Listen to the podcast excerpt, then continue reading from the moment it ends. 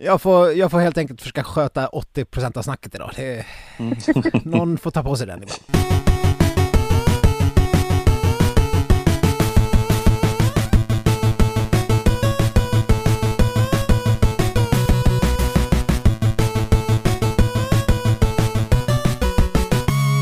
Ja, men halli hallå skidsnackslovers, välkomna tillbaka till ännu ett avsnitt. Eh, och det är en ganska ensam Stenqvist som alena eh, sitter i poddstudion. Vanligtvis brukar jag ha Stefan Sköld framför mig, men eh, stolen ekar tom. Jag får se om jag kan kasta iväg ett hallå i eten. Hallå! Hallå, hallå. Du är Här med! Jag är med. Men eh, ja, det blev som det blev den här veckan. Ja. Eh, jag har inte corona igen, utan eh, jag, jag har lyckats dra på mig någon slags eh, sån här störig liten eh, hittepå-förkylning. Ja.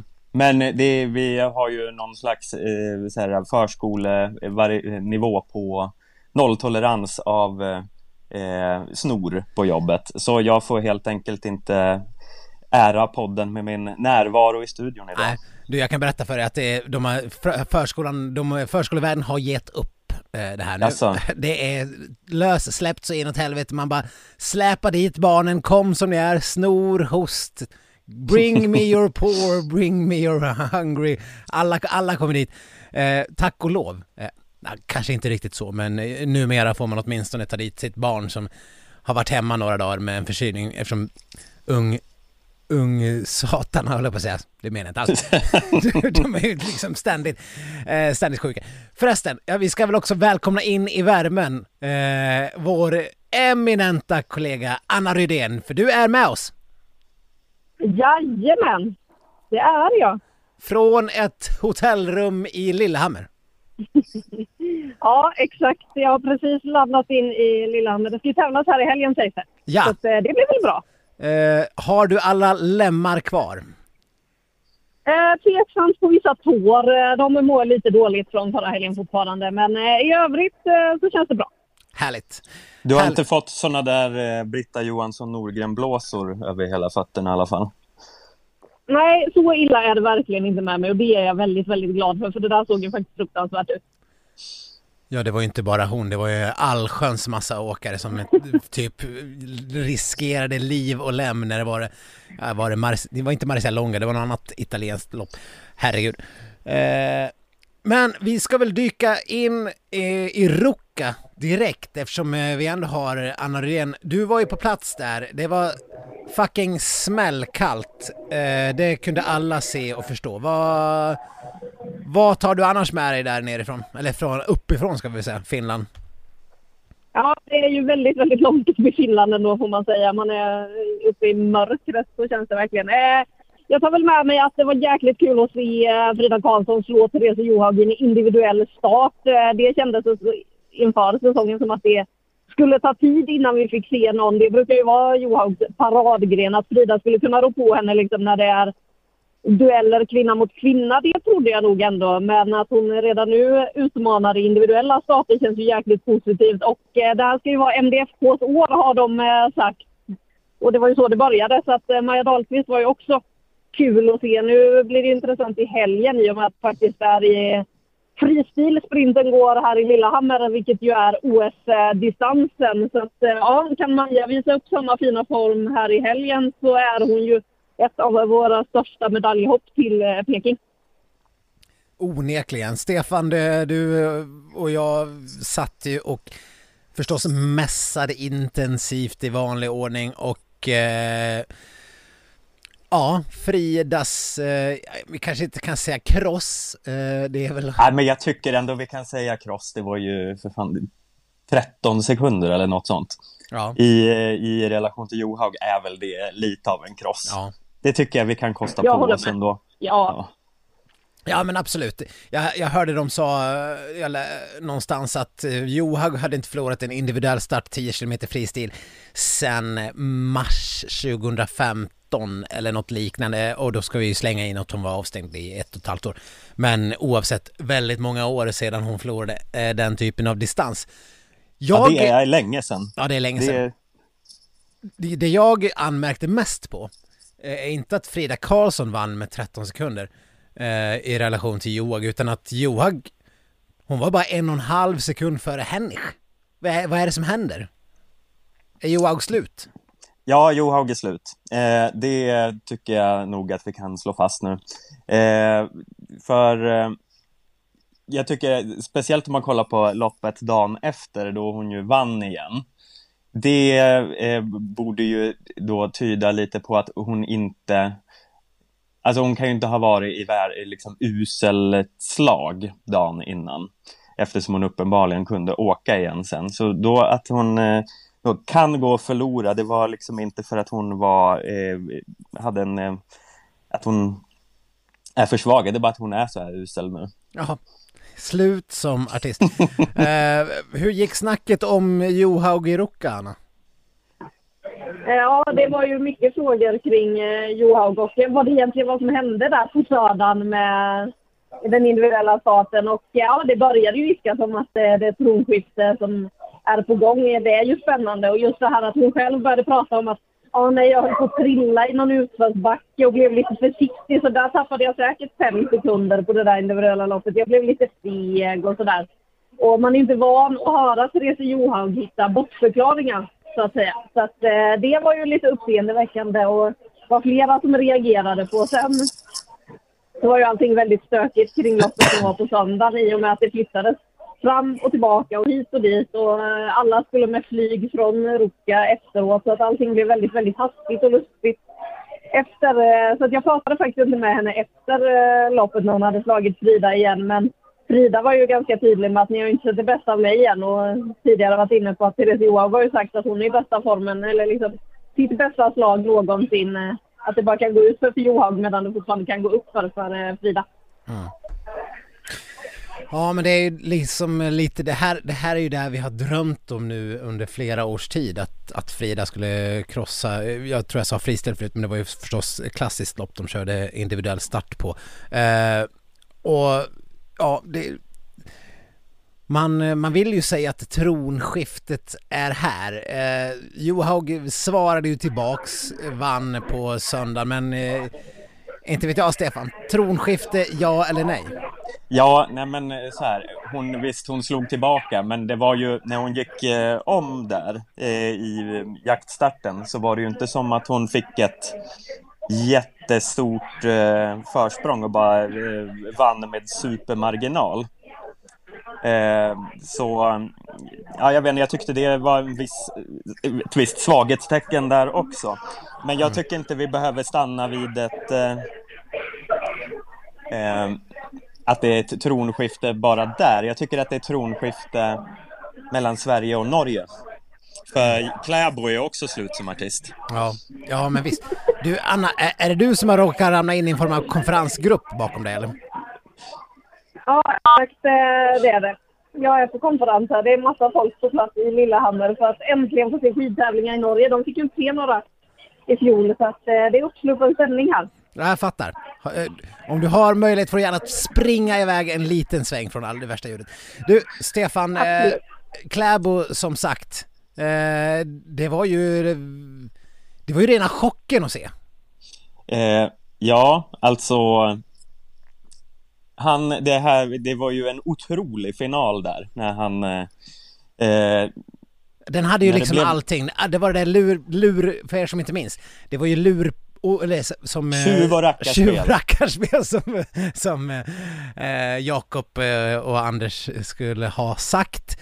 Eh, och eh, ingen ville ta, ingen ville gå först i backen. Och då kom Kläbo som skjuter ur en jävla kanon och dundrade iväg och fick direkt 20 meter och man tänkte yes det här släpper ju aldrig, eller yes det tänkte man inte alls det. Eh, man tänkte ju nej, Nej, man tänker verkligen inte yes. Nej, gud, det var, det var det mest lögnaktiga jag yttrat i hela mitt liv. Man ja. tänkte satan Perkeles vitto. Nu, det här släpper ju aldrig. Eh, men sen kommer Terensev med någon form av eh, kläbokliv som vi inte har sett maken till. Alltså Kläbo måste ju eh, känna att eh, eh oj, nu, nu är det kört här. Nu har någon liksom eh, trumfat mig på min egen hemmaarena. Eh, för eh, hur, hur ska Kläbo mäta sig med det där Kläbo-klivet? Nej. Nej, det går ju inte. Eh, och ja, så vann Trensen. Klä, Kläbo lyckades ju krångla sig in på en andra plats men det var ju inte mer, alltså han tog sig vidare som sista lucky loser till finalen och det, ja, hade han inte gjort det där genidraget i, i, i kurvan inför backen så hade han ju inte haft någonting med någonting att göra. Kändes mm. det som. Han, var, han, han kändes slut. Ja. Eh, ja. Och sen eh, i, i distansloppen var det väl inte mycket bättre. Sista fick jag inte ens åka. Nej. Nej, och rätta mig om jag har fel nu, men är det inte så att Norge eh, av totalt eh, sex distanser den här helgen bara vann en? Eh, eh jo. Damer och herrar sammanslaget. Eh. Det måste ju vara väldigt länge sedan det hände senast. Ja, verkligen. Anna, hur går, är det liksom panik i norska lägret nu inför hemma, hemmatävlingarna? Ja, de har ju lite att bevisa. Nu är de ju typ 100 norrmän till start på varje distans här i och med att vi är i Norge. Så de hoppas att det ska gå lite bättre här. Men de var ju inte nöjda med hur det såg ut i eh, Ruka förra helgen. Och de norska journalisterna började ju redan pila på det här att det, var, det kunde bli någon form av historisk öppningshelg utan en enda norsk seger. Eh, de blev ju jäkligt oroliga där när liksom herrarna inte ställde upp i kylan så trodde de ju att Johaug kanske inte heller skulle göra det men eh, ja det gjorde hon ju och så fick de en seger i alla fall med sig hem men de brukar ju rada upp eh, och det var ju faktiskt så att de inte ens var på pallen särskilt mycket i helgen överhuvudtaget så att eh, de har lite att tänka på och det är ju faktiskt väldigt, väldigt roligt. ja. Ja, för det är, ju, det är ju väldigt blekt där bakom om man bortser från Johaug och Kläbo. Så, ja visst, Weng klättrade till en eh, pallplats där i jaktstarten, men annars, det var, man såg ju inte till comebackande eh, Ingvild Flugstad Östberg eller eh, speciellt många överhuvudtaget. Där, Falla var bakom. väl trea i sprinten också. Eh, sen, ja, just det. Eh, sen... Men hon krånglade sig vidare lite så här. Ja på Lucky Loser-tider och det var ju inte alls särskilt förtroendeingivande. Nej, eh, jaktstarten där herrarna, ja det var ju kylan. Eh, Anna, fick man någon förklaring till vad fan som hände där? Herrarna kör inte. Sen bara pang bom kommer Johaug och kör. Eh, det var rätt så förvirrande för tv-tittarna som jag. Ja, jag kan säga att hela den dagen var rätt så förvirrad överlag. Vi blev ju då utkastade i kylan, tror jag, nio på morgonen för att springa och hålla koll på var är juryn, vad mäter de temperaturen, hur kallt är det, vad är det som kallas, vilken är det och ja, eh, härjade runt där. Och det kom ju ganska tidigt ändå att tre av de norska herrarna valde att stå över med Iversen, Holund eh, och eh, vem det var mer som var med på det tåget som sa nej direkt. Men Valnäs var ute och värmde, Kläbo var ute och värmde. Sen så bestämde de sig också för att nej, det här blir inte bra, vi kör inte. Och så försvann helt plötsligt alla norrmän från start. Niskanen gick också iväg från uppvärmningen. De visste inte ens när de skulle starta loppet. Liksom alla undrar var är Niskanen? Hur ska vi starta utan den som leder i en jaktstart? Det var ju total förvirring och eh, kaos i Ruka på söndagen där. Så nej, det var inte mycket lättare att förstå när man var på plats, det kan jag säga. Det var inte så mycket lättare att förstå när väl loppet började heller. Jag missade det här Stefan, men du, du bevittnade något form av total kaos. Ja, men det var liksom, eh, folk tog av sig skidorna och sprang runt och eh, viftade med armarna för att hålla värmen och eh, ingen verkar fatta om eller när det skulle vara start. Och sen helt plötsligt så bara startar någon och andra har inte stavarna på sig och det är bara eh, total förvirring som tittare och eh, som åkare också antar jag. Ja, ja, det måste det ha varit. Ja, svenskarna var ju ganska glada därför att de var så pass långt bak så att de inte liksom var i startgroparna när allt kaoset var det helt plötsligt började utan de Nej, men för oss var det ganska kul. Man var i närheten för att hoppa på skidorna och köra. Men eh, ja, det kanske var svensk taktik då inför jaktstarten. Men när vi ändå har dig på tråden, Anna. Kan, kan du beskriva hur det är att vara i den där kylan? Ja, det är alltså först så tänker man att så här jäkla kallt är det inte, men eh, det får man äta upp efter ungefär 30 sekunder. Eh, sen så tar man framförallt så här när man måste, som oss då som jobbar, ta fram händerna för att kunna hålla på med telefon eller sådär, då blir det ju isbitar till fingrar på en sekund. Sen såg man ju på åkarna, det värsta för dem var ju utförsbackarna där det kommer då den kalla vinden som slår i ansiktet eh, och som gör dem då iskalla. Heidi Weng pratade ju om att hon tappade synen på lördagen när hon körde de där utförsbackarna. Det roliga med de bilderna är ju att hon sa att hon inte hade glasögon. Tittar man på bilderna så har hon glasögonen på huvudet. Frågan om hon själv har glömt att hon har glasögon på huvudet. Ja, hon Eller om hon dem i- aktivt valde bort. Ja, hon har dem i pannan liksom. Exakt. Ja. Ovanpå mössan. Så det kan ju vara att hon inte känner att hon är där. Att hon har glömt att hon har dem på sig. Känns som en typisk Heidi Eh. Weng på något vis. Jag vet inte. Eh, Ja, alltså Exakt, vi hade det varit någon annan så hade man kanske inte spekulerat. Men just när det är Heidi Weng så börjar man ju undra om hon kanske faktiskt missade den detaljen. ja, jag vet inte, vi har ju eh, snackat en del, ska man säga, skit om eh, Heidi Weng genom åren här. Men jag börjar känna att jag, eh, jag är på väg att totalvända. Jag, jag börjar liksom älska Heidi Weng. det är för att hon inte är så bra längre. det, det kan ha lite med det att göra, men också för att det är, det är ju något härligt med att ha glasögonen på huvudet när det är 26 minus. Ja, ja precis. Och inte fatta att alltså, men du, det är lite ungefär som en sån här charmig bortkommen eh, äldre person som sitter och ska orera i en jävla tv-studio. Men det är som när man själv liksom in, har tappat bort eh, eh, eller ska ringa till eh, eh, sin... Eh, man ber någon ringa till sin mobil för man hittar den inte. Och så sen ringer den och så går man och bara oj, vem är det som ringer? Och så svarar man. Och, eh, har gjort den många gånger ska jag säga. Hallå? Ja, det är Stefan. Ja. ja, gud vad dumt. Eh, ja, ja, tillbaks till Ruka. Vi måste utnyttja eh, Anna när vi har chansen. Eh, vad, jag kan väl kasta ut frågan till båda er. Eh, vi pratade om Leo Johansson inför detta.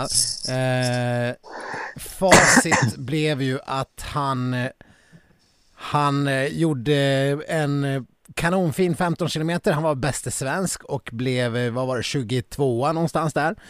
Eh, jaktstarten så eh, åkte han upp sig lite grann, kanske med tanke på att det inte fanns ett gäng norskar framför honom. Men han blev trettonde 13 man. Eh, och jag vet inte, eh, sensationellt bra. Kastar jag ut. Kan hon fånga upp den?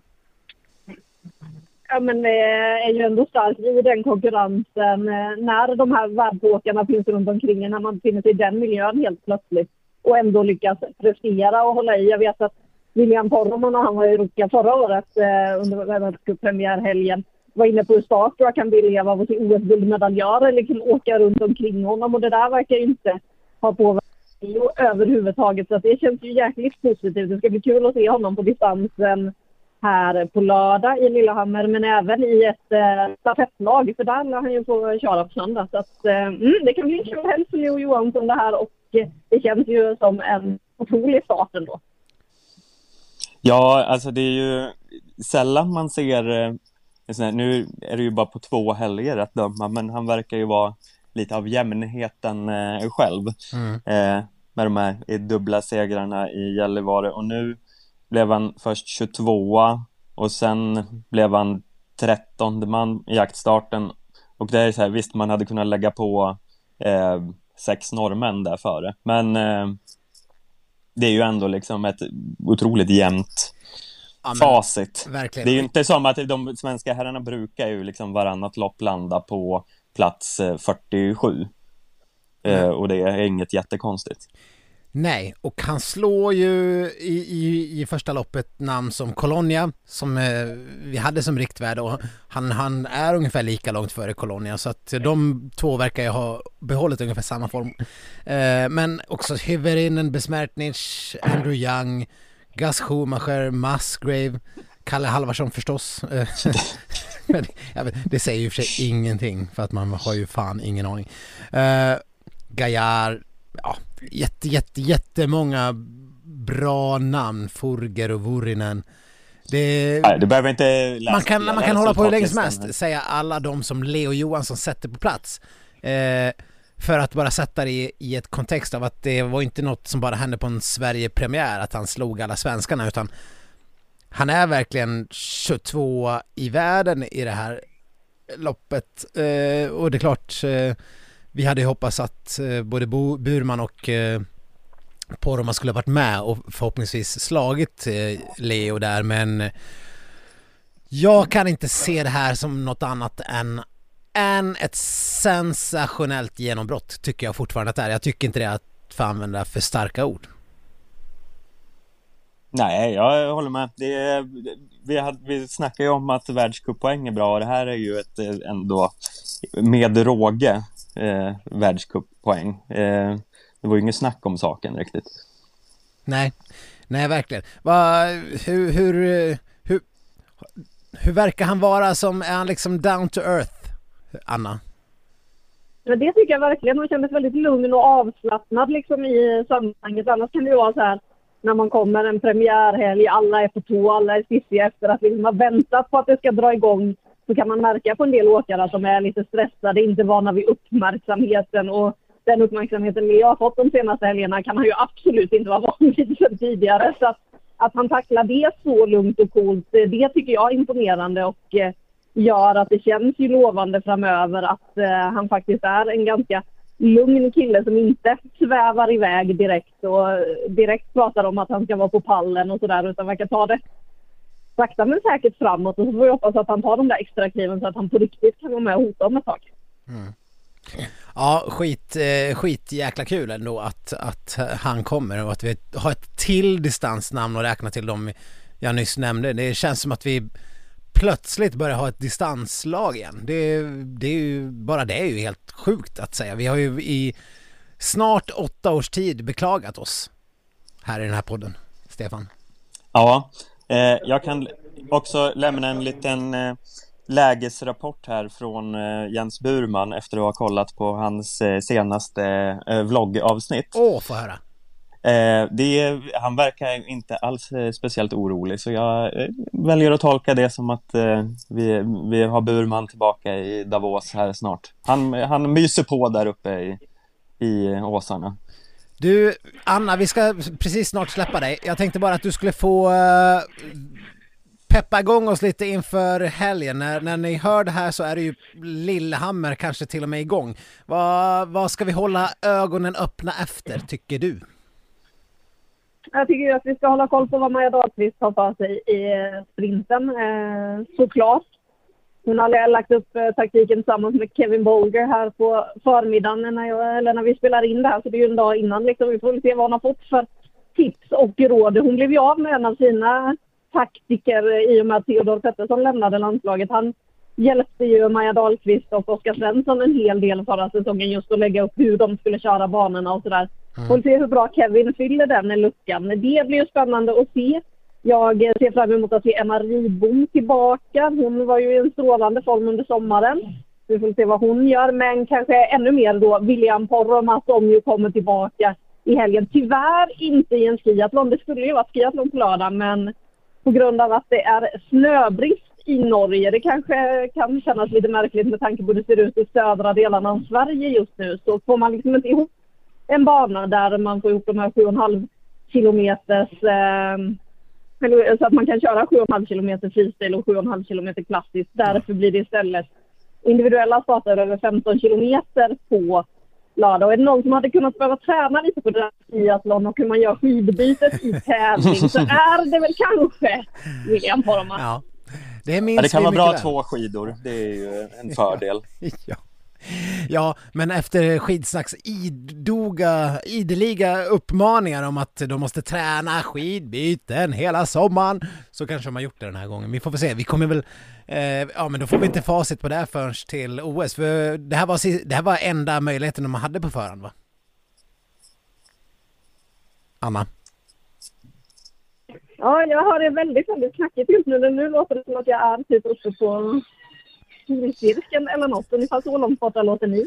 Ja, men vet du vad? Vi ska tacka dig så jättemycket för att du tog dig tid att vara med Anna och lycka till eh, med ditt jobb och eh, Kom snart tillbaks till skidsnack och sitt gärna med oss i studion så slipper vi det här norska konferensgänget som här är i bakgrunden. Det blir kul. Exakt, och det känns tydligt varmare än vad jag har hållit på med de senaste veckorna. Så jag kommer gärna. Perfekt. Tack så mycket. Ha det fint. Tack. Ha det fint. Hej, hej. Getting engaged is a moment worth cherishing. A one of a kind ring that you design at Blue Nile can help your love sparkle. Just choose your diamond and setting. When you've found the one, you'll get it delivered right to your door. Finding the right engagement ring can be nerve wracking. At Blue Nile, you'll have the expert guidance needed and a diamond guarantee that ensures you're getting the highest quality at the best price. Cherish all of life's moments and save up to 30% at BlueNile.com. That's BlueNile.com. Men eh, Stefan, du och jag, vi ska inte riktigt släppa Ruka än. Eh, Ja, det vore väl dumt. ja, det finns ju mycket att prata om. Nu ska inte vi ägna hela jäkla podden åt Ruka. Eh, och just det, förlåt om jag svär för mycket. Eh, jag har ju fått bannor. Eh, Från vem då? Från min mamma. Ja, eh, ja, ja, det ska man ju ta på allvar tycker jag ändå. Det kom ett sms. Mm. Ska ni podda idag? Försök för guds skull att inte svära så förbannat. Mm.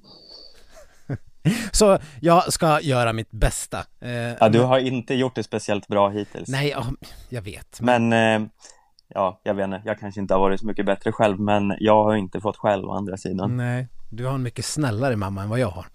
Mm. nu ska vi inte ägna mer tid åt det. Vi ska prata om Ebba Andersson. Eh, vad säger vi spontant om hennes rucka-insats, Stefan? Eh, ja, det har ju lyfts lite eh, eh, frågetecken och eh, oros eh, eh, här och hur man nu säger att hon är slut som artist på grund av parasit och värddjurteorin. Ja, men- Berglund. Ja, men så här är det. Jag har rätt ut det här, hur det var med den här teorin. Okej.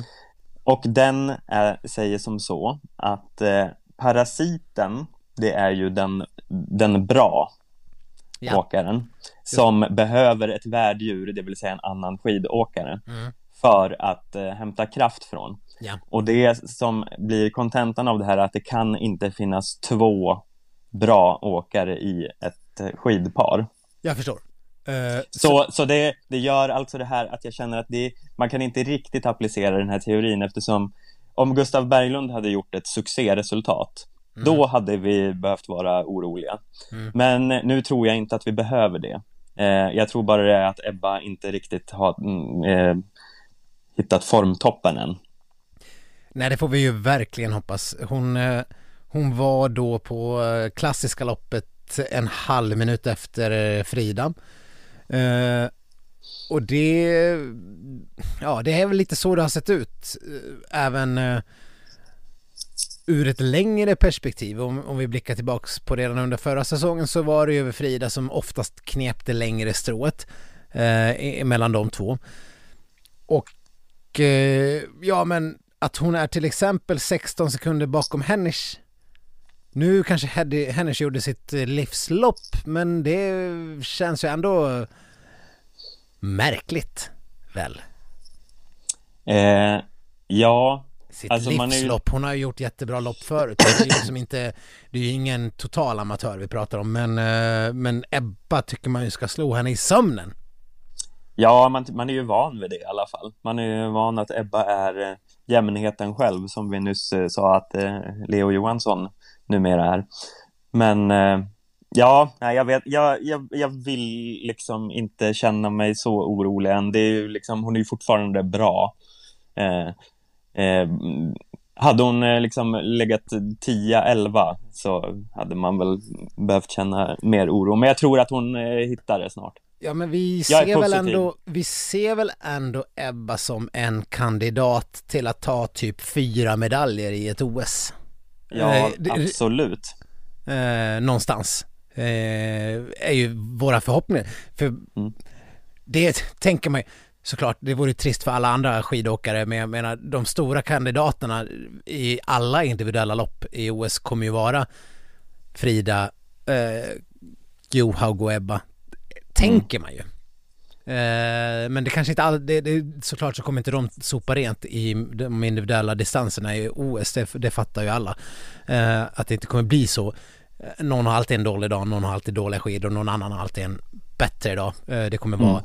massstartslopp och, och sånt som också ger helt olika karaktärlopp. Men med, vid en skiathlon till exempel och en tre mil där tänker man ju verkligen att Ebba ska kunna eh, det kommer vara hennes toppchanser i OS. Ja, verkligen. Och jag tror ju det, om Ebba bara hittar tillbaka till eh, formen och övar tre gånger så mycket på skidbyte som eh, är liksom eh, inplanerat. Ja. Och eh, får liksom eh, en valla-succé. Då, då är det liksom det här OSet eh, händer för henne. Och sen ska vi väl hoppas att vi inte blir totalt bortvallade i stafetten den här gången. Vi ska, vi ska mm. återkomma till OS-stafett lite senare. Förstås. Den här gången lovar vi att återkomma till ja, det. Ja, det gör vi verkligen. Men det är ju som, eh, som sagt en eh, tre mil i fristil. Eh, där kommer inte ens Ebba kunna skylla på eh, bortvallning, något som känns som att hon har varit in och tassat på flera gånger den här säsongen. Eh, men jag vet inte, det, det kanske är skönt att kunna liksom mentalt tänka ah, jag hade inte det bästa trycket i, under fötterna idag. Uh, och, och liksom inte misströsta över formen. Men mm. uh, det känns som att man vill gärna se lite riktiga besked nu i Lillehammer. I alla fall jag för att känna mig lugn. Ja, verkligen vi, vi har ju fått eh, så här, fina besked men inga så här, eller ja, vadå? Vi har ju haft Frida Karlsson, gett superbesked. Vi har haft Moa Olsson på någon slags succénivå, har vi inte ens nämnt än. Eh, hade du eh, sett henne där liksom tampas i toppen innan? Eh, hade du ens tänkt den tanken? Eh, ja, jag tog ju ut Moa Olsson i mitt fantasylag, så självklart hade jag tänkt det. Ah, ja, du ska eh, glota lite här nu. Det, det, jag bara väntade på att det skulle ske. Hur, hur högt var du? Vi kan bara riva av det. Ja, vi kan riva, ja just det. Uh, I fantasyligan så ligger jag ja, 21 i världen. Jag är inte bäst i skidsaxligan, jag är bara typ fjärde bäst i skidsaxligan. Det finns ett gäng som är före mig. Men uh, på det herrarnas individuella lopp, uh, första så satt i alla fall de sex främsta och var två, tre, fyra kanske i världen. Så det var, det var ändå, ändå, eller tio kanske jag var. Jag, mm. jag missade allt. Men ja, det gick ganska bra. Eh, men det är ganska många helger kvar så jag ska inte ta ut någon eh, superseger i förskott. Men vi har jävligt bra eh, spelare i våran liga. Så hoppa in där och bli med. Men nu mm. släpper vi det för idag. Mm. Vi kan prata om en annan succéperson som vi var inne på lite tidigare. Maja Dahlqvist. Dalarnas stora stolthet just nu det kommer ju gå lite vem som är Dalarnas stora stolthet. Oftast är det ju Kalle Halvarsson förstås, men eh, just nu är det, just nu är, är det Maja Dahlqvist. Ibland kan det vara eh, Oskar Svensson, ibland kan det vara Stina Nilsson. Eh, men den platsen känns som vigd åt eh, Maja Dahlqvist eh, under överskådlig tid. Jag vet inte vad som skulle kunna peta henne från tronen som Dalarnas stolthet. Stefan, ser du något namn? Nej, inget namn. Jag ser liksom någon form av taktisk miss som eh, hennes enda eh, eh, akilleshäl, vilket Anna var lite inne på här. Eh, att eh, hon inte har Theodor då. Eh, och att vi får hoppas att Kevin Bolger är en eh, taktikernas eh, första. ja, ja, jag vet inte.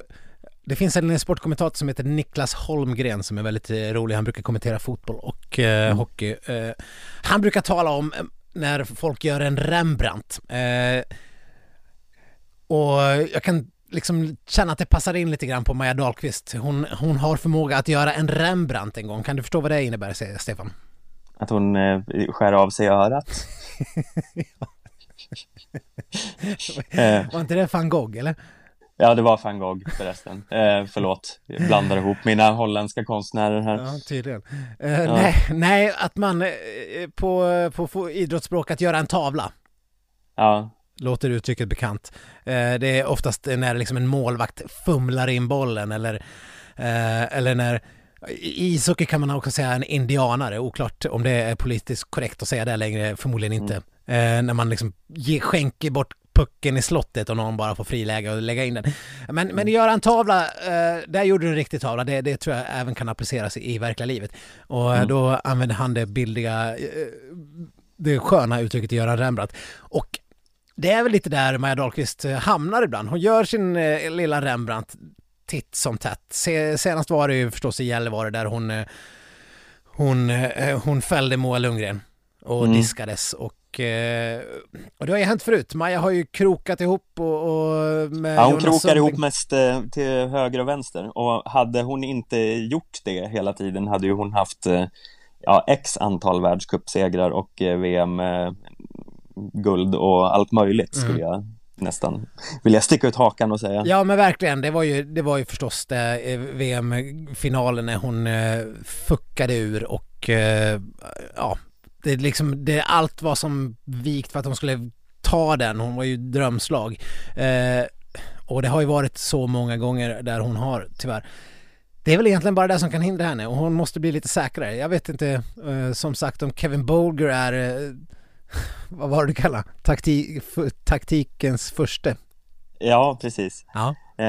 Eh, men jag tror i alla fall, här behöver vi inte heller se någon oro för eh, parasit och värddjursituationen, för det är ju eh, Bolger som är det solklara värddjuret här.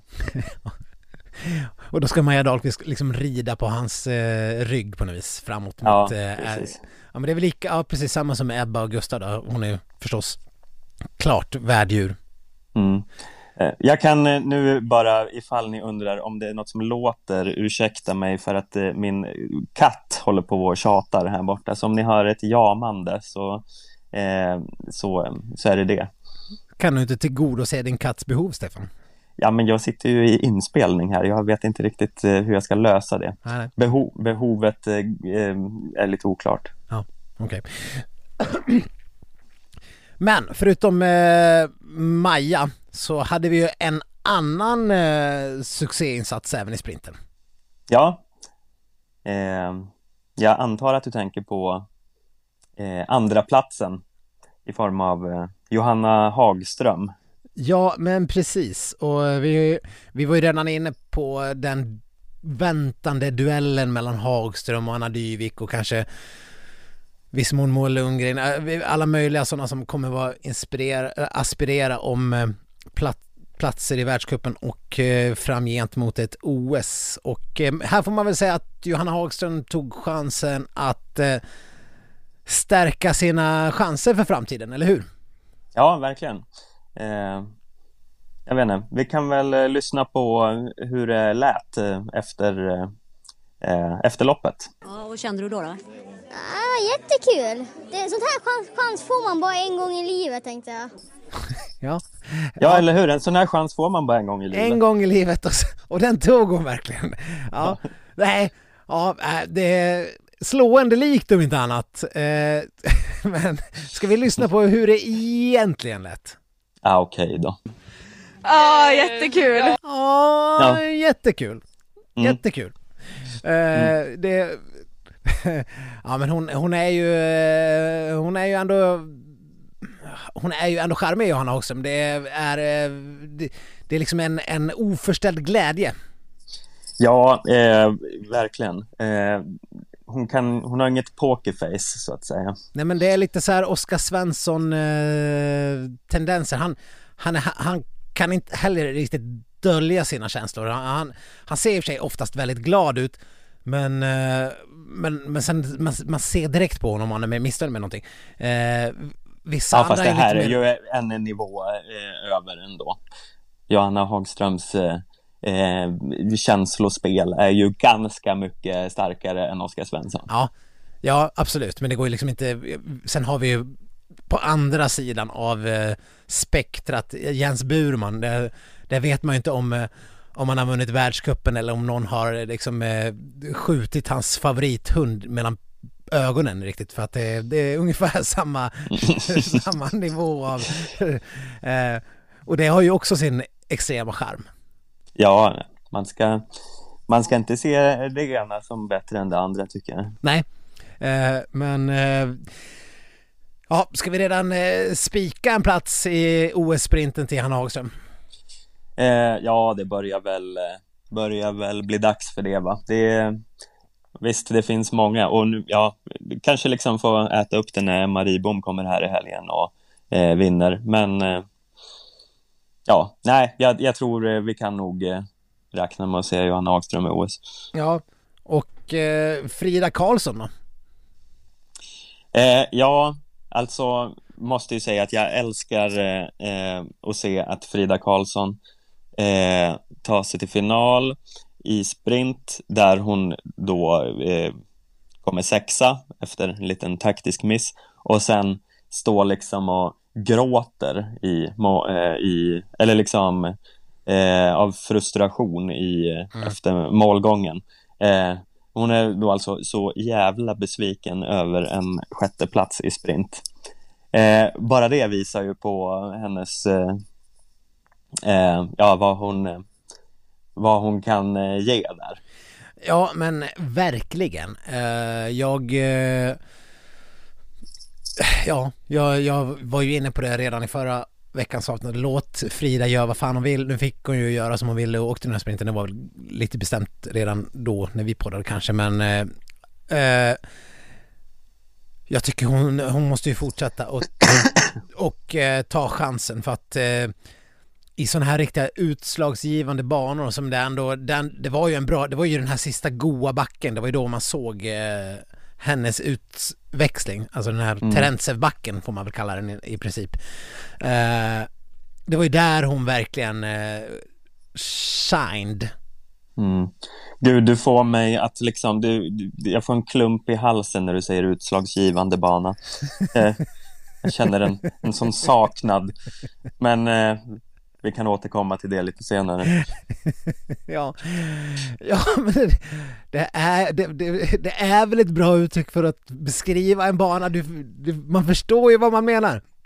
Ja, absolut. Jag är bara 100% för, men det, det väcker starka känslor ja, inom mig. Jag förstår. Du, du, ja. du får lite uh, Johanna Hagström-känslor, eller Frida Karlsson-känslor. Ja. Uh, ja, känslorna är all over the place kan vi säga. Som prins Daniel brukar säga. Uh, mm. Om vi går till Anna Dyvik då? ja, det hon fick inte det lopp hon hade hoppats på. Nej eh, för att använda ett annat eh, kärt uttryck. Ja. Precis, Men, det, eh, för det referensen är väl då Kalle Grenemark, den gamla eh, skidskytteexpertkommentatorn, mm. som höll på när den, här, när den här podden var i sin linda på slutet av 90-talet då, då kommenterade Kalle Grenemark fortfarande skidskytte. Honom saknar vi förstås.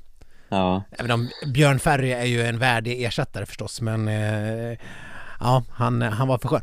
Men eh, Ja, nej, det var inte alls riktigt som man hade tänkt sig. Hon, eh... Nej, men hon gjorde ju en taktisk miss på upploppet när hon hamnade bakom eh, Maja Dahlqvist och sen eh, inte eh, han går förbi. Hon hade ju tagit sig vidare annars tror jag. Eh, sen hade hon ju det här snöpliga fallet som man inte fick se som gör att hon nu inte åker i Lillehammer som eh, verkar vara, ja, eh, lite värre än vad hon trodde. Hon stod över både sista eh, jaktstarten och eh, nu även Lillehammer. Det är liksom otursförföljt svenskt landslag, även om vi har haft våra, vår beskärda del av framgång också. Verkligen.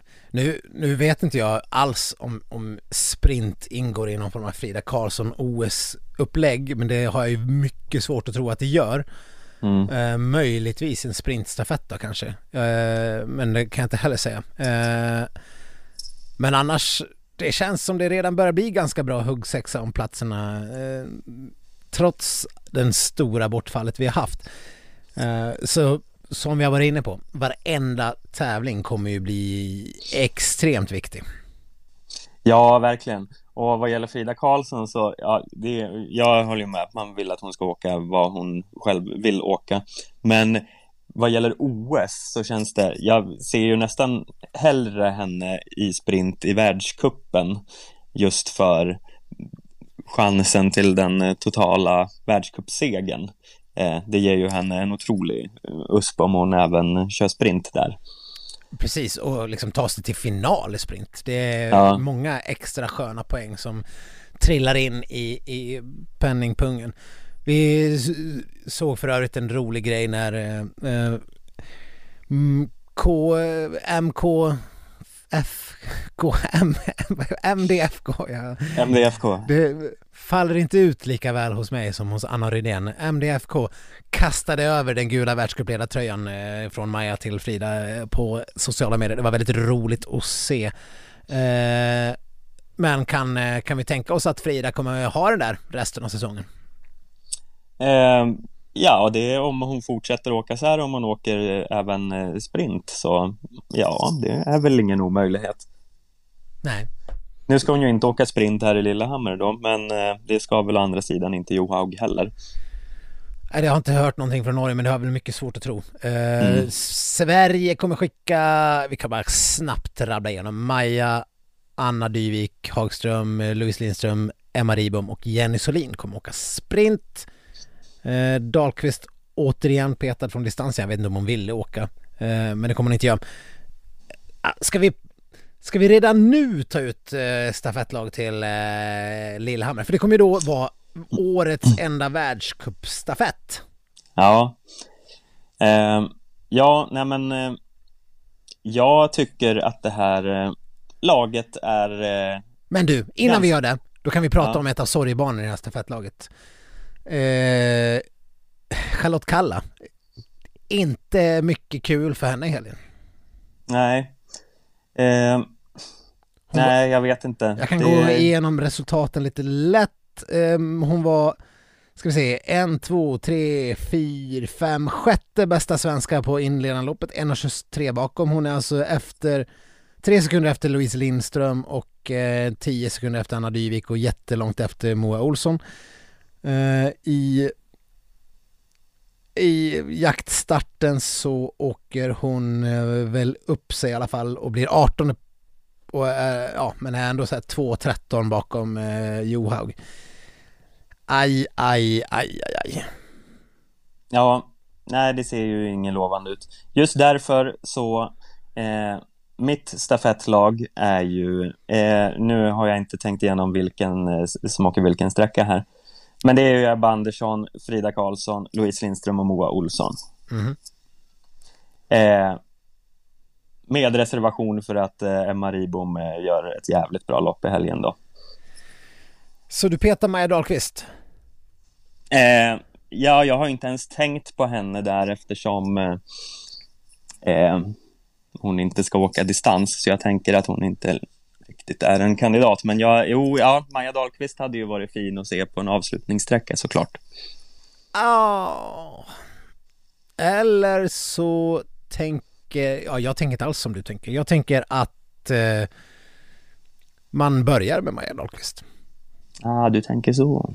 Sen skickar man ut Ebba på den här viktiga andra sträckan. Mm. Den här klassiskt viktiga. Det, det är ofta det är då det spricker upp. Det är då det händer saker. Eh, då vill man ha då vill man ha något särskilt och det har vi ju verkligen i, i Ebba förstås. Eh, Mm. Är hon inte bortvallad så finns det ju ingen som hon släpper på den andra. Inte ens Heidi Weng.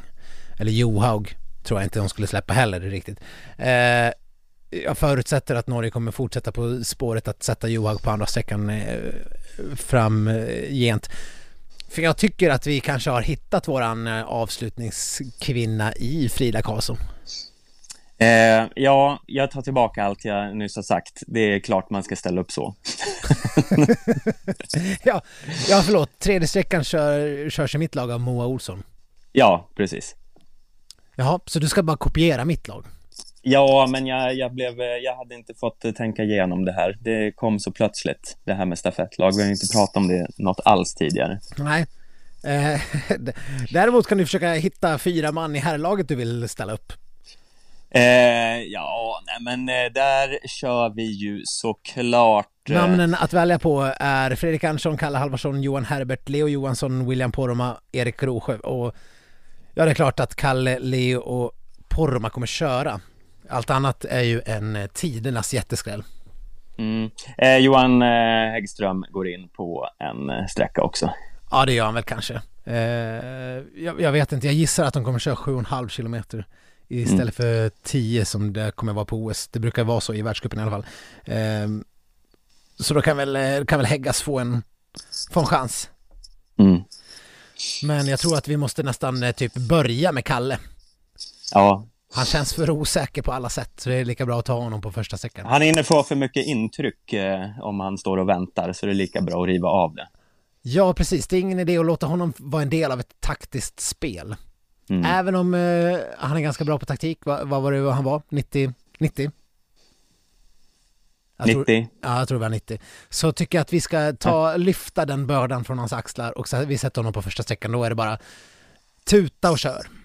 Ja, ja det, det är fina ord tycker jag. Tuta och kör, Kalle. tuta och kör. Ja. Eh, och sen eh, Ja, sen får väl Häggas ta andra sträckan och, och, nej, kanske Leo tar andra sträckan. Häggas tredje och eh, Ville P på eh, fjärde va? Ja, det låter som ett eh, eh, givet eh, lag för pallen. Det känns som att, eh, jag menar oavsett om Burman kommer tillbaks, vilket gör att vi kommer ha ett, helt plötsligt ett bra stafettlag för första mm. gången på många, många år. Men vi kan säga att vi har ett bra stafettlag. Om Kalle kan hitta en en rimlig form, eh, vilket vi hoppas att han kommer göra någon gång. Eh, mm. Ah, ah, så ja, men vad fan, då, är ju, då har ju vi ett medaljkandidatlag i OS helt plötsligt. Det har inte, när sa vi det sist? Eh, ja, det kejsar Augustus tid. Ja, ja, men det är ju verkligen det. Och det är ju, det enda som gör det, det är ju det är Leo Johansson. Det är den här mm. premiärhelgen och premiär tävlingarna i Gällivare sammanslaget som gör att eh, det liksom det känns ju också sjukt att säga, men den svagaste länken i den kedjan är ju Kalle Halvarssons eventuella form. Annars har vi ju eh, två toppnamn, eh, vad vi hoppas. Nu har vi inte sett dem den här säsongen, men eh, av allt att döma. Och eh, Leo Johansson, eh, stjärngenombrottet och eh, åldermannen Kalle Halvarsson. Eh, ja, Eh, för det är ju öppet bakom eh, Ryssland och Norge som vanligt i, i OS, så att eh, där ska vi ju kunna vara. Ja, ja men vi spikar den eh, eh, bronsplatsen tycker jag. Ja, alltså på förhand om vi får välja att ta en bronspeng eller köra igenom loppet så tror jag vi tar den där bronspengen. Ja, ja, absolut. Ja, herregud. Ja, eh, vi ska hinna med mer i den här podden. Hur fan ska det gå till? Vi tar en anhämtningspaus. Det låter bra. Ja, då ska vi skifta fokus här i skitsnack till eh, en eh, än mer framgångsrik sport eh, för svensk del just nu. Eh, eller ja, ungefär lika kanske man ska säga. Det är ju tävlingar som pågår eh, as we speak i princip uppe i Östersund i skidskyttet. Där världskuppen drog igång i helgen och eh, ja, det var aldrig förr har väl uttrycket högt och lågt passat så bra som nu, Stefan? Nej, det var en eh, fiaskoartad eh, dag ett och en eh, fantastisk dag två. Eh, när både Hanna Öberg och Sebastian Samuelsson gick och vann. Ja. Bara en sån sak. Ja, men det är väl det här som gör att skidskyttet är helt fantastiskt. Eh, och att man kan... Eh, man, man, man, behöver inte liksom bryta ihop och komma igen. Eller ja, det är ju precis det de gör. De bryter ihop och kommer igen. Man behöver inte, mm. man behöver inte liksom vältra sig i sin egen misär helt fullständigt bara för att vi har en totalt fiaskoartad första dag. Det jag menar, Elvira och Hanna Öberg.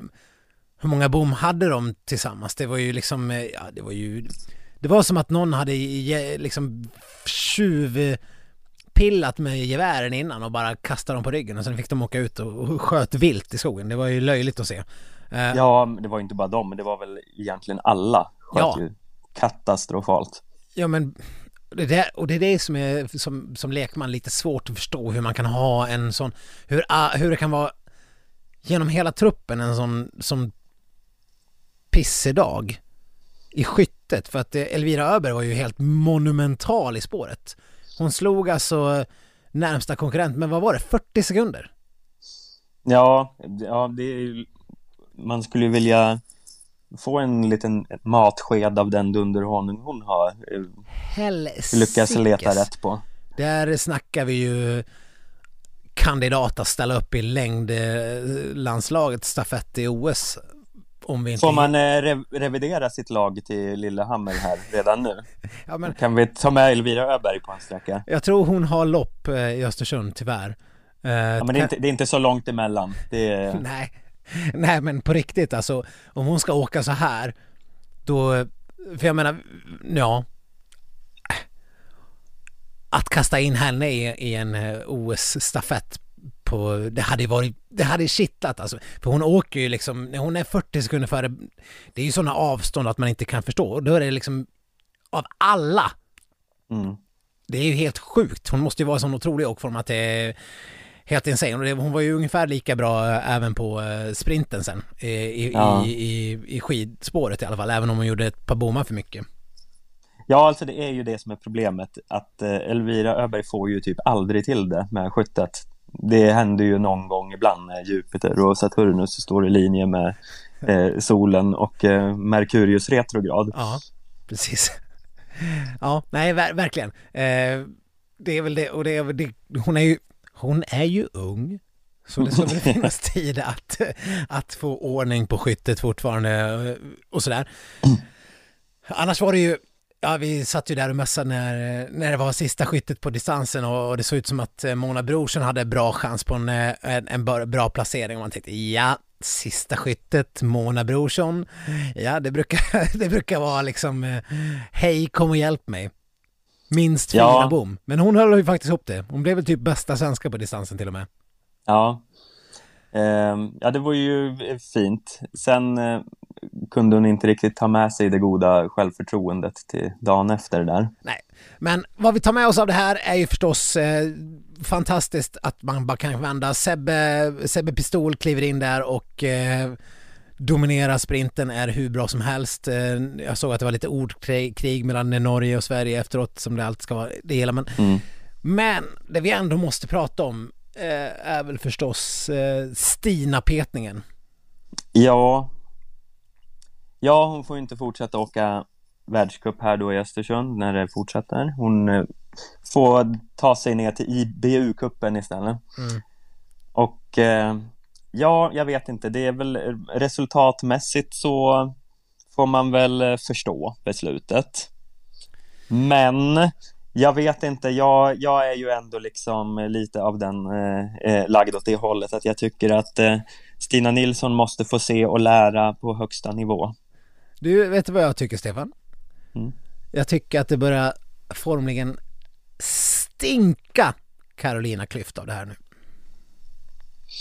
Ja, du är väldigt ofta inne på Carolina Klüft ja. av olika anledningar. Ja, snart kommer hon att stå i Viasat-sändningar och vara programledare istället. Det, det, det, är väl däråt det barkar eller Dplay eller vad fasiken. Ja. De, kommer sitta och prata med hologram eh, ja. till höger och vänster. Ja, okej. Okay.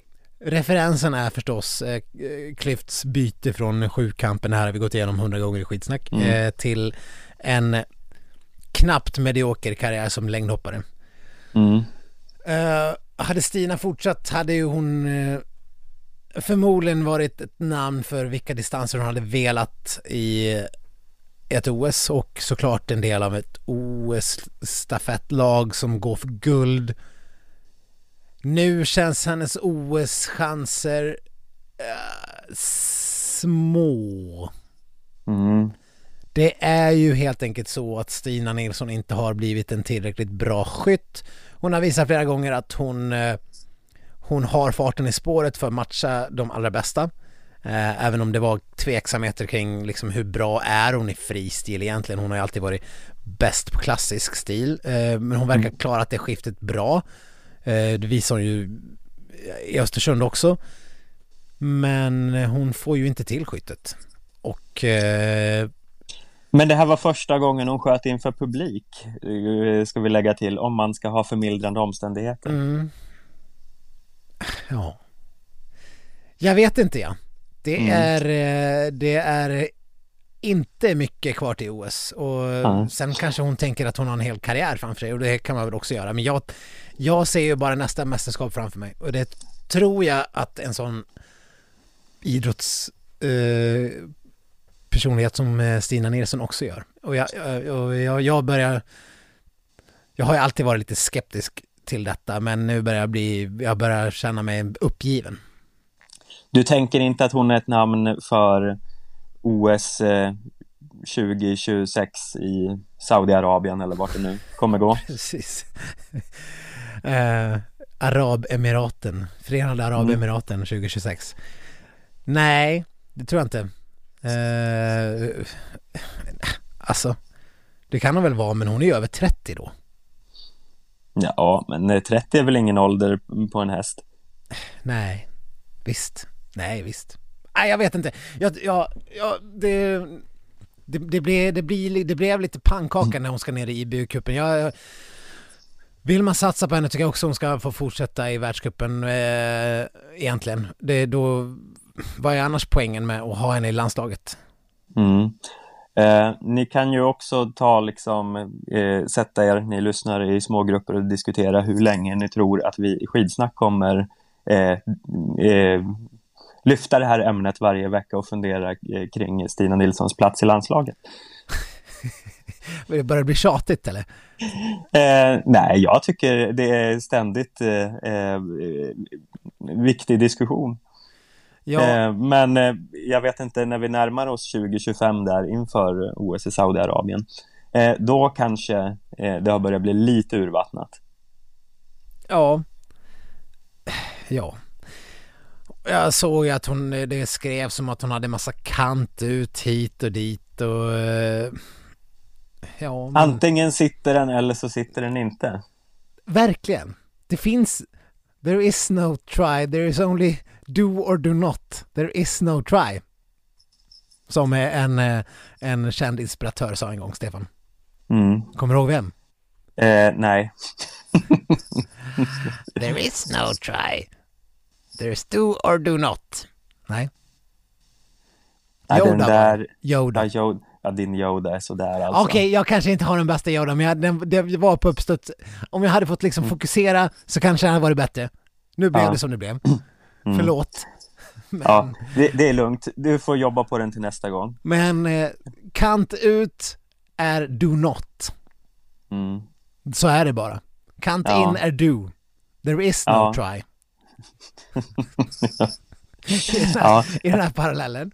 Uh, ja. Och uh, så, ja, är man tillräckligt bra på att skjuta så kommer de kantinnarna att vara fler än kantutarna i slutändan. Mm. Eh, innan vi lämnar skidskyttet här så måste jag bara göra en liten uppföljning på eh, det stora kärleksdramat som Oj. vi pratade om.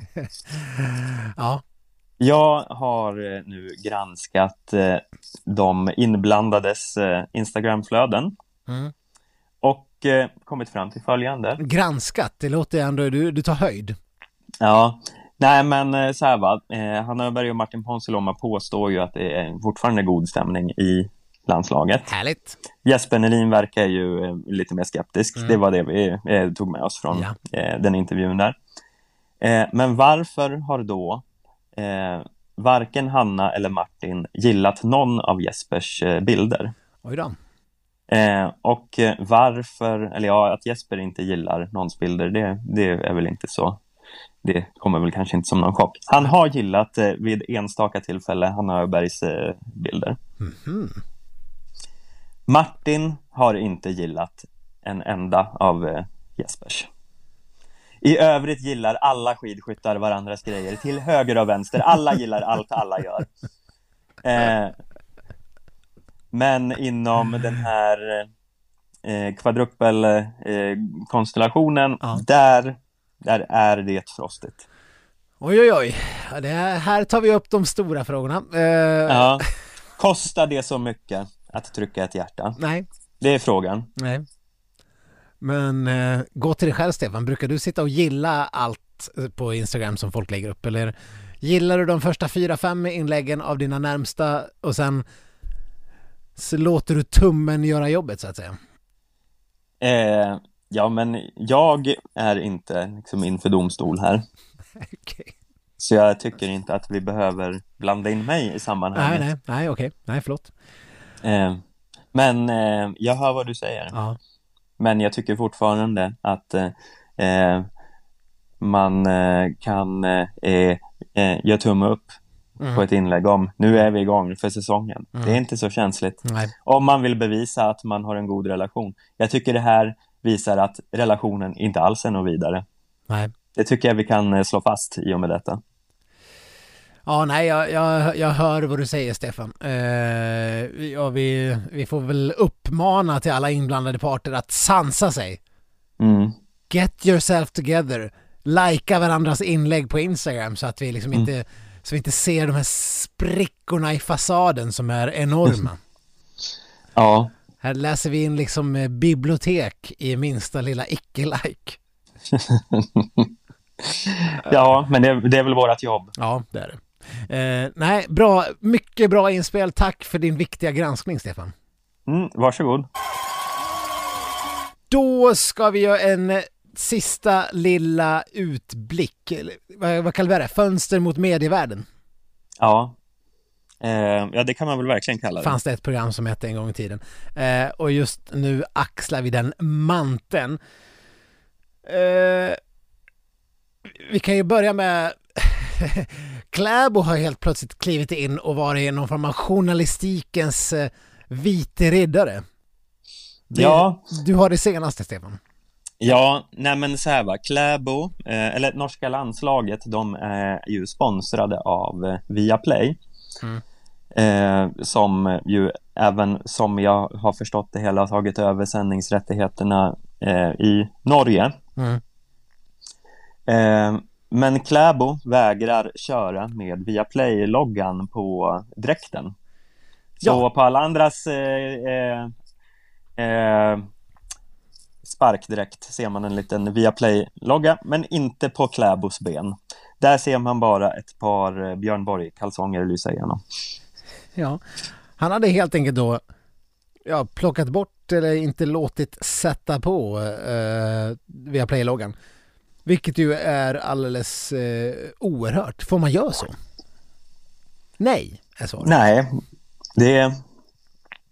Jag tror att eh, Dollar Store hade liksom eh, kört in Burman och company genom giljotinen om eh, de hade vänt mössan bak och fram. Ja. ja, det är inte som i Ted Lasso där, eh, vem var det nu Stefan? Eh, ja, Sam. en av spelarna, Sam. Han fick bara liksom tejpa över någon form av eh, oljestat och sen var allt frid och fröjd och eh, alla blev jätteglada och eh, Mm. de gick vidare med sina liv. Nej, det hade blivit liksom lawsuits daskande i röven på norska skytteförbundet om inte de hade styrt upp den verksamheten. Och eh, som de handlingskraftiga personerna de är så gjorde de också detta. Idag kom ett eh, någon form av pressmeddelande från skidförbundet. Kläbos hela kritik gick ut på att eh, han, eller det var lite oklart. Han tyckte då att eh, man kan inte vara, ha sändningarna och samtidigt bedriva någon form av granskande journalistik på ett seriöst sätt och om man ska sponsra oss eh, och synas på våra dräkter. Det blir liksom dubbla budskap. Och ur en journalistisk eh, synvinkel så kan han väl ha en poäng men inte Ja, vet alltså jag, det- alltså svenska landslaget i fotboll, eller vi har vi, Aftonbladet, Sportbladet har ju alltid, varenda gång ni ser en landskamp på Friends eller var som helst, då ser ni en gigantisk stor svensk flagga som är 28 000 ungdomar springer ut med. I den ena kanten står det Heja Sverige i rosa Sportbladet-bokstäver, vilket är en eh, sponsring av Sportbladet. Eh, vi, och såklart, det, det tror jag folk fattar. Det, det står också Sportbladet på reklamskyltarna vid sidan av matchen. Det betyder ju inte att eh, våra eminenta fotbollsjournalister inte kan bedriva ett eh, gott journalistiskt arbete. Tvärtom, vi är ju de som kanske hårdast synar svenska fotbollslandslaget. Så jag vet inte om Kläbo riktigt har en poäng. Jag vet inte vad han far efter, Stefan. Nej, alltså det är väl klart, det är alltså man kan ju som mediehus ha en uppdelning av eh, redaktionell verksamhet och marknad som de flesta ju eh, eh, rimliga mediehus har. Eh, så det är ju inga konstigheter i sig. Men jag tycker ändå det är lite fint att Kläbo på något sätt ska vara någon liksom eh, fanbärare för den journalistiska heden. Det hade man inte riktigt eh, eh, sett. Ja, nej. Ja, men ja, ja. Jag fattar, ja, ja. Sen, eh, ja, jag vet inte, det kan ju också bara vara så att han är precis som eh, oss, att han är bitter för att eh, public service har tappat sändningsrättigheterna. För att han vill ha sin, sin Jakob Hård där, eller Norges Jakob Hård. Det jag uppmanar folk som har lite mer eh, tid och eh, betaltid att lägga ner på detta är att granska vilka är det han sponsrar, alltså vilken av hans sponsorer har blivit ilsk för att han måste åka runt i en landslagsdräkt med Viaplay. Är det något annat liksom med mediebolag eller något sånt streamingtjänst som eh, har honom som, som eh, som, eh, som kund liksom, eller som, som affischnamn, jag vet inte. Det, det måste ju vara mm. något sånt som ligger, det kan inte vara att han slår ett slag för den journalistiska integriteten. Det, det känns helt absurt att det skulle vara det som var den riktiga, verkliga orsaken. Ja, och Viaplay är ju liksom inte, det känns ju inte som eh, Glock liksom. Att den skulle ha världens... Nej. Nej, det hade varit värre om det hade varit så här Philip Morris som sponsrade ja. norska skidlandslaget. där, där, där hade jag kunnat hållit med om att det hade sett lite, ah, nja, mm. ska, ska vi verkligen? Ja. Blåa Blend, ett litet liksom, ett, ett paket på låret. Ja, det hade varit ändå lite så här kul om, alltså, här kommer Sverige med sina, vad de nu har, kexchoklad och eh, vitaminvatten. Ja. Och så kommer Norge med Philip Morris och Glock. Ja, och absolut vodka. Ja. Oljan börjar ta slut, cashen måste in. Mm. ja. Ja, herregud. Eh... Oljan är slut, snön är slut, norska skidlandslaget är slut. Ja, ja de har... tecknena hopar sig. Ja. Det går inte att blunda för. Järtecknen i skyn, vart är Norge på väg? förresten, vi fick ett tips av våran ständige lyssnare och eh, medproducent får man säga ibland, Nordic Ski PhD. Eh, ja. Han har inte han har inte i sig att eh, punga ut för ett Viaplay-abonnemang, tydligen. Så här kommer ett, eh, ett enkelt tips i all välmening. Det här är verkligen inte något olagligt, eh, tvärtom. Uh, NRKs radiosändningar streamas ut på webben, så ni som är för snåla eller kanske bara inte har råd, det är många som inte har råd med Viaplays svindyra jävla abonnemang. Ni kan strömma in på NRK och lyssna på tävlingarna på Norge. Det blev lite, jag vet inte hur han skrev det lite grann, men som det blev lite väl hetsigt där i något lopp där Norge hade, hade bra chanser. Så det var lite svårt att förstå vad de yrade om, men annars funkade sändningarna fint. Ja, eh, ja, ja men det är ett, jag, ett gott tips. Jag kan kasta ut eh, kroken till Sveriges Radio att jag har ju många gång funderat varför man inte kan ha en separat liten direkt tjänst om man vill lyssna på hela lopp, till exempel skidor eller skidskytte istället för att måste ha de där insticken i radiosporten. För ibland sitter man inte framför tvn och då vill man kunna följa en hel tävling oavbrutet. Eh, fixa det här Sveriges Radio, det är inte rocket science. Är Nej, som vi brukar och, säga. Och när man lyssnar på sport på radiosporten så måste man ju också alltid lyssna på någon jävla eh, 90-talshit med Lene Marlin eller något mitt i. Ja, det är bedrövligt. Det är liksom, ja, det är imponerande att P4 är kvar i någon form av, de kör liksom hitslistan från 95 ja. fortfarande. Det är liksom inte vad man skulle kunna tänka sig att de körde så här liksom 70-talshits eller någonting för eh, sin mål. De, är liksom, de har fastnat i 90-talet. Ja. Det är liksom Eagle Eye Cherry eh, hela tiden. Ja, men det... What's wrong with that? bara en, eh, en spaning. Du det är väl liksom det vi jobbar droppa namn som uh, Lene Marlin och Eagle Eye Cherry. Jag ville bara springa bort till radion och skicka på P4 direkt. Ja. Spring, du får springa till radion efter det här är slut. Ja, springa till min stationära radio som jag har. Ja, vart har du den? Ja, ja, ja, jag kanske ska springa till affären och köpa den då. Herregud, Hålla Det på kanske- märka ord. Det finns en radio i din datamaskin Jag också. lovar att ute i landet, där eh, jag tänker att våra lyssnare finns, där Mm. har man en stationär radio. Mina föräldrar har åtminstone fortfarande en stationär radio. Eh, Ja. Bara för att du Vi- sitter där Jag i har din, också... din lägenhet på Södermalm, din våning och bara streamar radio i en, till någon liksom trådlös högtalare. Så ska du inte tro att, det, det, att du har en ena foten i myllan längre. Du har kommit Eh. långt från Söderhamn, Stefan. Eh, två fel. Eh, jag bor för det första inte alls på Söder. Nej, nej. Eh, och eh, två, jag har en stationär radio Okej. i mitt kök. Ah, så, eh, fuck you. Ja, ja, det där köper jag inte. Skit i det, fake news. Nu, vi måste prata lite om eh, Viaplay versus Vinterstudion. Det har ju varit en... Vi, vi, vi ska bara rafsa av det lite snabbt. Det har varit mycket diskussioner, det har varit krönikor, det har skrivits... Dina två cent, Stefan. Eh, ja, alltså jag kan väl säga som så att jag tycker att eh, om vi ska ta det positiva först. Mm. Eh, det eh, kändes låt som... mig gissa. Var det att Per Schlingman äntligen fick ta plats i en... Eh,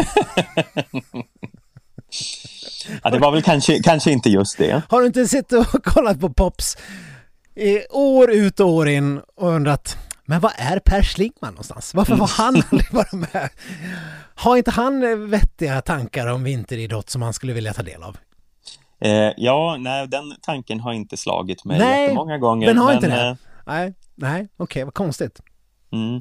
Nej, men jag tycker att de hade en hyfsat fin eh, studio. Den Mm. var ganska Vinterstudion lik och det får jag anta var eh, eh, uttänkt för Mm. att man inte skulle känna sig eh, så bortkommen.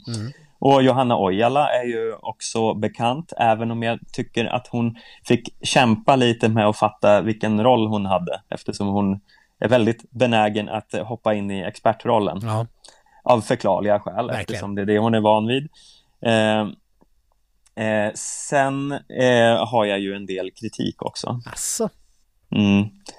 Eh, dels måste någon form av eh, producent via Play gå in och berätta för de här människorna, det vill säga Gide Ojala, Theodor Pettersson och Johan Olsson, att alla kan inte vara klädda i svart. Eh, det ser ut som någon jävla begravning där. Ja. Eh, och eh, för en som i alla fall har jobbat lite med tv-produktion Mm. så är det största no, no, no, no att eh, skicka in folk i svart i studion. Varför Det, är, det ser inte bra ut och det, det liksom poppar inte i rutan. Nej. Och jag, jag kunde inte tänka på något annat. Här sitter liksom det här begravningsföljet inne och kommenterar skidsändningarna. Ja, jag fattar. Eh, Det och så sen slår man över på Vinterstudion och så ser man eh, eh, Pops gamla kofta och blir liksom mjuk och varm i själen. Ja.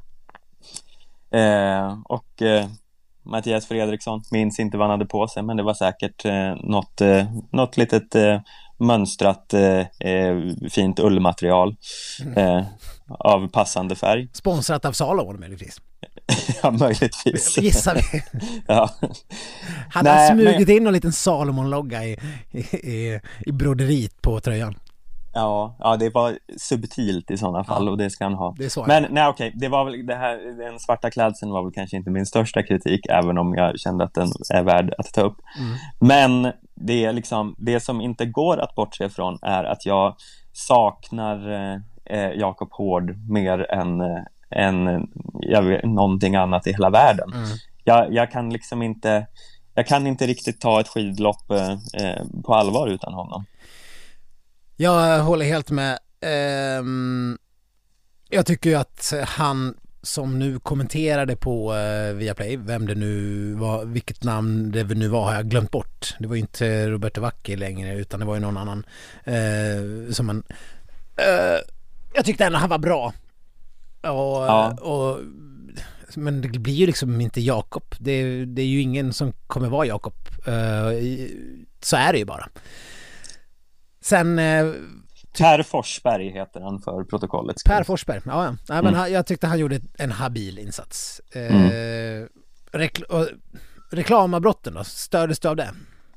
jag kollade ju på Viaplay så jag Mm. fick ju inte så mycket reklamavbrott mer än de här reklamskyltarna som kommer upp lite då och då. Precis. Eh, Och eh, ja, det, det är ju störigt också, men det lär man sig ju att leva med. Men eh, jag vet inte.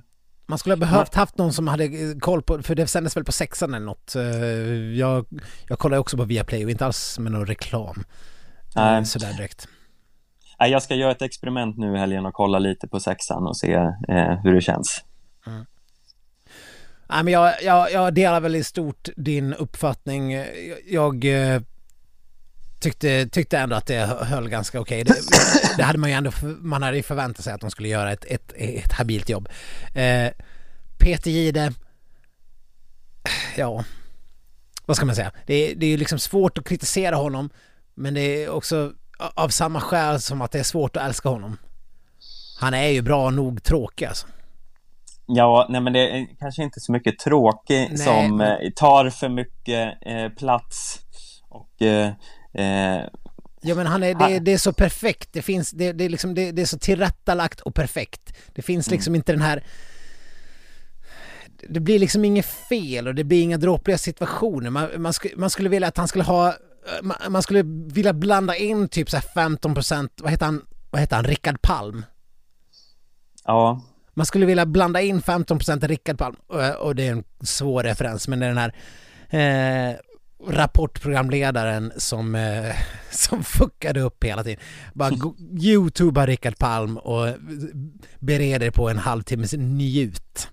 mm, Eh, lite mer sånt för att det, liksom, det finns inga det, det, är aldrig nå, det finns ingen fara att det kommer gå till skogen och, och samtidigt så är det inte samma mys som Pops. Jag såg att de hade satt på Jihde någon form av det var liksom inte så här stramt. Eh, jag, jag minns inte vad han hade på söndagen men men det var något lite, lite där downplaya hans klädsel så att det inte skulle vara, vi ska inte liksom gå in på någon form av Eh, vi ska inte se ut som eh, våra fotbollssändningar där de sitter där i kostymer allihopa och liksom ser, eh, ser eh, ut som de sänder från någon jävla mm, styrelsemöte på, på I don't know, en bank.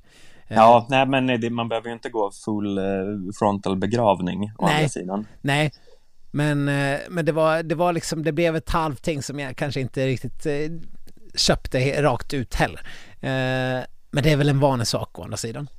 Ja, Men sen, Eh. sen ja, nu orkade jag inte ens lyssna när Per Schlingman satt, men det var så apart.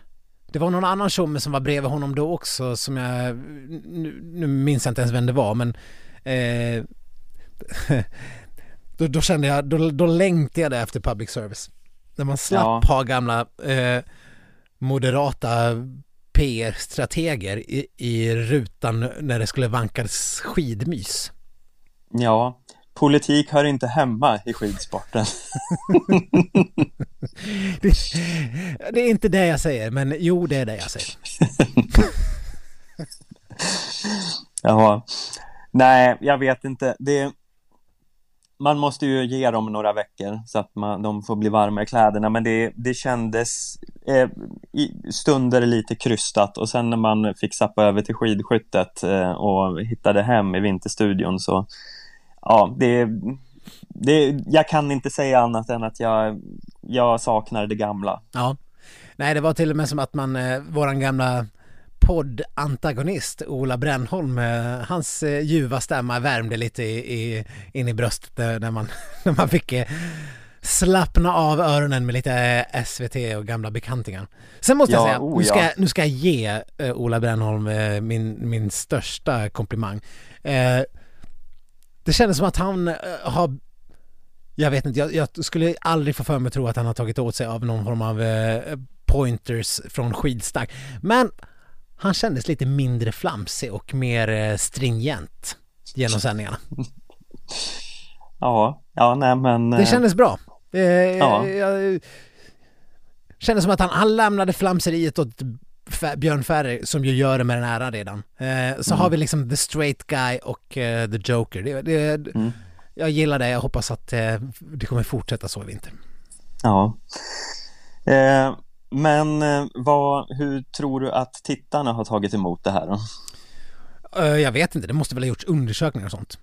Ja, inte några undersökningar så kanske eh, vad jag har sett, men tittarsiffrorna talar ju eh, som väntat sitt tydliga språk i alla fall. De, de är ju kvar i SVT. Ja. Eh, och eh, även, det är, tittarsiffror är ju alltid omöjliga att Men vad- eh, läsa av. Släpps strömningar och sånt också då eller? Ja, det räknas ju ihop på olika sätt och så vidare. Ja, ja. Eh, linjärt drar ju såklart SVT mer än TV6, men Viaplay hade si och så mycket. Omöjligt att riktigt veta vad som betyder vad, men eh, alltså SVT slår ju alltid alla andra, oavsett vad de sänder. Ja, men SVT hade kunnat visa eh, eh, liksom, eh, eh, Boccia, så hade det liksom fått mer Jo men eh, ja, sittningar. det där säger ju ingenting. Hade, hade SVT haft eh, Boccia SM-final så drar ju det ändå mycket mer än vad en eh, Champions League-final i Ja. Viaplay drar. Så är det ju bara. Mm. Det Mm. SVT kan sända ut två minuter av Här växer gräset så kommer det per Mm. automatik ha fler tittningar än något annat Mm. i, i någon annan sån här reklamkanal. För att det är så det fungerar. Det står alltid Mm. på där någonstans. Ja. Men eh, jag vet inte, det, det känns som att eh, även om man saknar Vinterstudion så det, det gick an och jag tror att det kan eh, växa. Precis. De, eh, de har ju nu en vinter på sig att att jobba in det här konceptet innan vi kan eh, det är lite svårt att dra för stora växlar av, eh, av första helgen men ja, man måste ju ändå liksom Ja, men det är lite så här, i Vinterstudion, där de har sitt inarbetade koncept, vilket kan vara lite kanske slappt ibland och på rutin.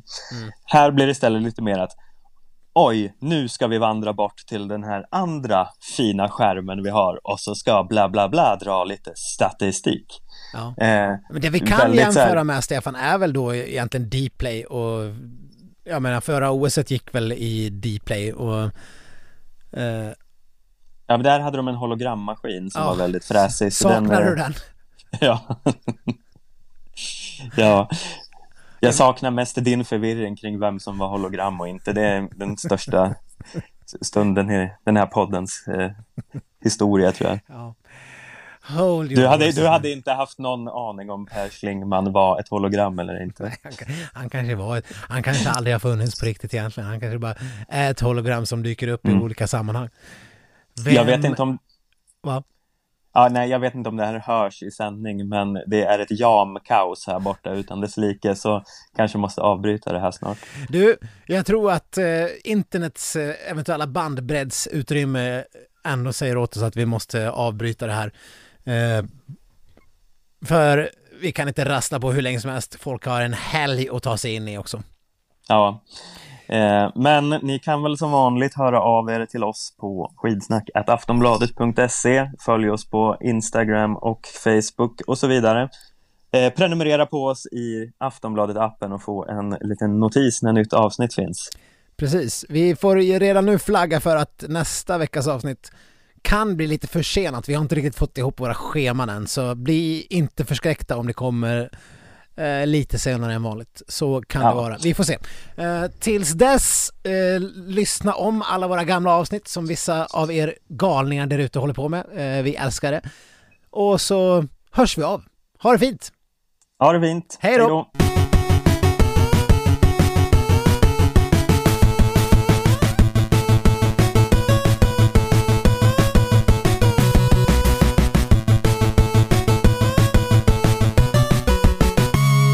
Du har lyssnat på en podcast från Aftonbladet.